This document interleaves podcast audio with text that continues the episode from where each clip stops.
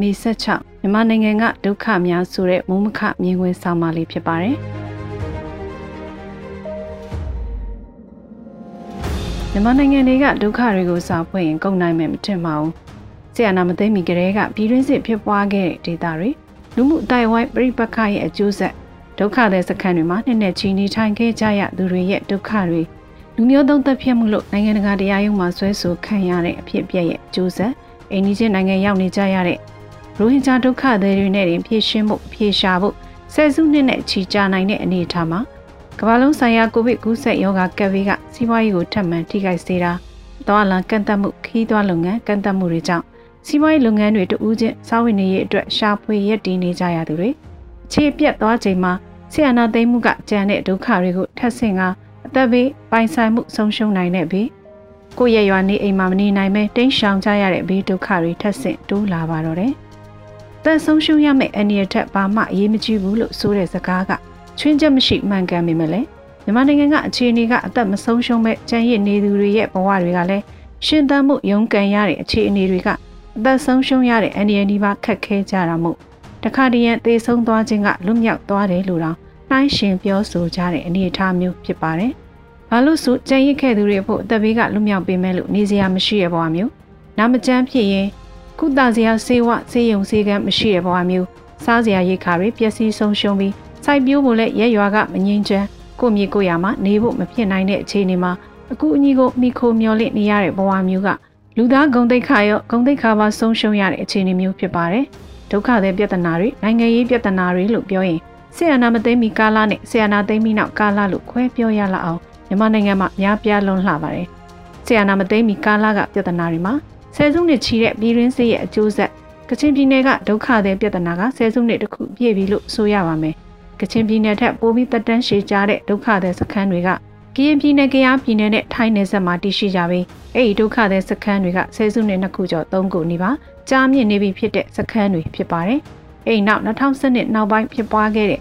လူမှုအတိုင်းဝန်ပြိပခလို့ခေါ်ဆိုကြတဲ့ရခိုင်ပြည်နယ်ကလူမျိုးရေးဘာသာရေးဆိုင်ရာပြိပခကြောင့်နေအိမ်တွေဆုံးရှုံးမြို့ရွာတွေကနေ လူမှုအတိုင်းဝန်နှစ်ခုကိုခွဲခြားနေထိုင်စေတဲ့ဒုက္ခတဲ့စခန်းတွေကခုထက်တိတိုင်းပြန်လည်နေရာချထားနိုင်ခြင်းမရှိသေးတဲ့ပြဿနာတစ်ခုဖြစ်ပါတယ်။တပတ်2016-2019မှာရိုဟင်ဂျာလက်နက်ကိုင်ဖွဲ့ကရဲကင်းစခန်းတွေကိုတိုက်ခိုက်တဲ့စီးကစလို့ဖြစ်ပွားတဲ့ဖြိုခွင်းနေနေမှုကလူမျိုးတုံးတပ်ဖြတ်မှုစီဦးတည်ခဲ့ပြီးလူရေ9သိန်းကနေတသန်းကြားအိန္ဒိချင်းနိုင်ငံကိုထွက်ပြေးခိုလုံကအဲ့ဒီတပ်ဖြတ်မှုကနိုင်ငံတကာတရားရုံးမှာဆွဲဆိုခံရတဲ့အခြေအနေဖြစ်ခဲ့ပြန်ပါတယ်။ အထက်ကလူဦးရေ9သိန်းနဲ့တသန်းကြားဒုက္ခသည်တွေရဲ့ပြဿနာကခုချိန်ထိမပြေလည်နိုင်သေးပဲအဲ့ဒီမှာခိုးလုံနေရသူတွေဖို့သူတို့ရဲ့မျိုးဆက်တစ်စလုံးဒုက္ခသည်စခန်းတွေမှာကြီးပြင်းကြရမယ့်အနေအထားမျိုးလဲဖြစ်ကောင်းဖြစ်ပါလိမ့်မယ်။အဲ့ဒီနောက်2019ခုနှစ်နဲ့2019ခုနှစ်အကြားရခိုင်ပြည်နယ်မှာဖြစ်ပွားတဲ့လူမျိုးစုလူမျိုးရေးလက်နက်ကင်တိုက်ပွဲတွေမှာလည်းရခိုင်ပြည်နယ်ကလူပေါင်းတောင်းသိန်းချီဒုက္ခသည်ဖြစ်ကြရရာကနန်းချီအသက်ဆုံးရှုံးကြရထောင်ကနန်းချီဒဏ်ရာရကဖမ်းဆီးထောင်ချခံကြရပြန်ပါတယ် 2020နောက်ပိုင်းကတော့ကိုဗစ်ကူးစက်ပေးကြောင့်အခက်အခဲကြုံကြရတဲ့စီးပွားရေးဒုက္ခဖြစ်ပါတယ်ခီးသွွားလုပ်ငန်းတွေစားတောက်ဆိုင်လုပ်ငန်းတွေလောက်ခါစားလက်ခါစားစက်ရုံအလုပ်ရုံလုပ်သမားတွေထိခိုက်ခဲ့ကြရပြီးဝင်ငွေကြောင့်ဆင်းတဲ့တန်းကူးဆက်ကပေးကန့်သက်ချက်တွေကြောင့်ဝင်ငွေရလန်းရှားပါလာပြီးရက်ွက်ထဲကစလို့ online မော်တိဈေးသည်တွေဖြစ်ကုန်ကြရတဲ့အနေအထားဖြစ်ပါတယ်။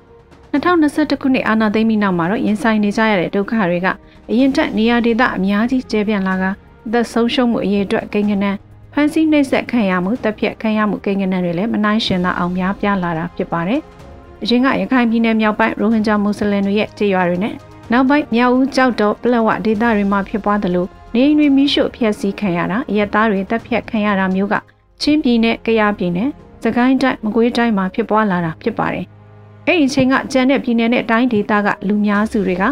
ခံစားရသူတွေပေါ်စာနာမှုနဲ့ကျူးလွန်သူတွေပေါ်ကန့်ကွက်ဖို့အားနည်းခဲ့ကြတာလဲအခုနေသင်ခန်းစာယူစရာသပွဲဖြစ်လာခဲ့ပါတယ်။ပြီးခဲ့တဲ့တစ်နှစ်ကျော်ကာလအတွင်းဆီယနာရှင်တက်ကိုရှင်ပြိုင်တိုက်ခိုက်ဖို့ဒေသအလိုက်လက်လုံလက်နက်တွေဖောက်ခွဲရေးလက်လုံမိုင်းတွေနဲ့ကာကွယ်ရေးတပ်ဖွဲ့ဆိုတဲ့ရေဘူးရအမည်နဲ့တပ်ဖွဲ့ပေါင်းရာနဲ့ချီပေါ်ထွက်လာတယ်လို့မြို့ပြပေါ်မှာလည်းလှုပ်ကြမ်းသက်ဖြစ်ရေးချောင်းမြောင်းပစ်ခတ်ရေးနဲ့ဖောက်ခွဲရေးပျောက်ကြားအဖွဲ့ပေါင်းများစွာပေါ်ထွက်လာကြတာဖြစ်ပါတယ်။ ဒီလိုလက်နက်ကိုင်းပြပခါတွေရဲ့အကျိုးဆက်အနေနဲ့အထက်ကရခိုင်ပြည်နယ်မှာဖြစ်ပွားသလိုရရွာမီးရှို့မှုတွေနေအိမ်ရိတ်ခါဖျက်ဆီးခံရတာတွေတပ်ဖြတ်ခံရတာတွေနေအိမ်ကျေးရွာဆွန့်ခွာထွက်ပြေးတိမ်းရှောင်နေရတာတွေကဆက်ခါဆက်ခါဖြစ်ပွားခဲ့ပြီးခုခါမှာပြည်ရင်းရှိနေရဆွန်ခွာတိန့်ရှောင်ရသူအရေးအတွက်ကတသန်းပြည်လူနီးပါးဖြစ်လာပါပြီ။ပိုင်ဆိုင်မှုနေအိမ်ဆုံးရှုံးမှုတန်မိုးတွေကိုလည်းဘယ်သူမှကောက်ခံတွက်ချက်နိုင်ခြင်းမရှိသလိုစိတ်ပိုင်းဆိုင်ရာထိခိုက်ခံစားရတဲ့ဆုံးရှုံးမှုတွေယောဂဗျဖြစ်ပွားပေမဲ့ ကုသစရာဆေးရုံဆေးကမ်းမရှိလို့ဈေးဝါမရှိလို့အသက်ဆုံးရှုံးရသူတွေအရေးအတွက်လည်းဘယ်လောက်ရှိမဲဆိုတာမသိနိုင်ပါဘူးဒီလိုကိန်းကနန်းတွေနဲ့မဖော်ပြနိုင်ပေမဲ့လည်းမိမိတို့ပတ်ဝန်းကျင်မှာမိမိတို့ဆွေမျိုးမိသားစုတွေထဲမှာမိတ်ဆွေတွေထဲမှာအထက်ကဒုက္ခခံစားကြရသူတွေဆုံးရှုံးကြရသူတွေလူတိုင်းမှာရှိကြတာကတော့အသေးချာပဲဖြစ်ပါတယ်မြန်မာနိုင်ငံကဒုက္ခတွေကမှတ်တမ်းတင်နိုင်မှုမလွယ်ကူတဲ့အနေအထားမှတ်တမ်းတင်မဲ့သူတွေကိုနိုင်ကဒုက္ခတွေရဲ့တက်ရောက်မှုခံစားကြရသူတွေဖြစ်နေမှာတန်တရားဖြစ်เสียမရှိပါဘူးရှင်။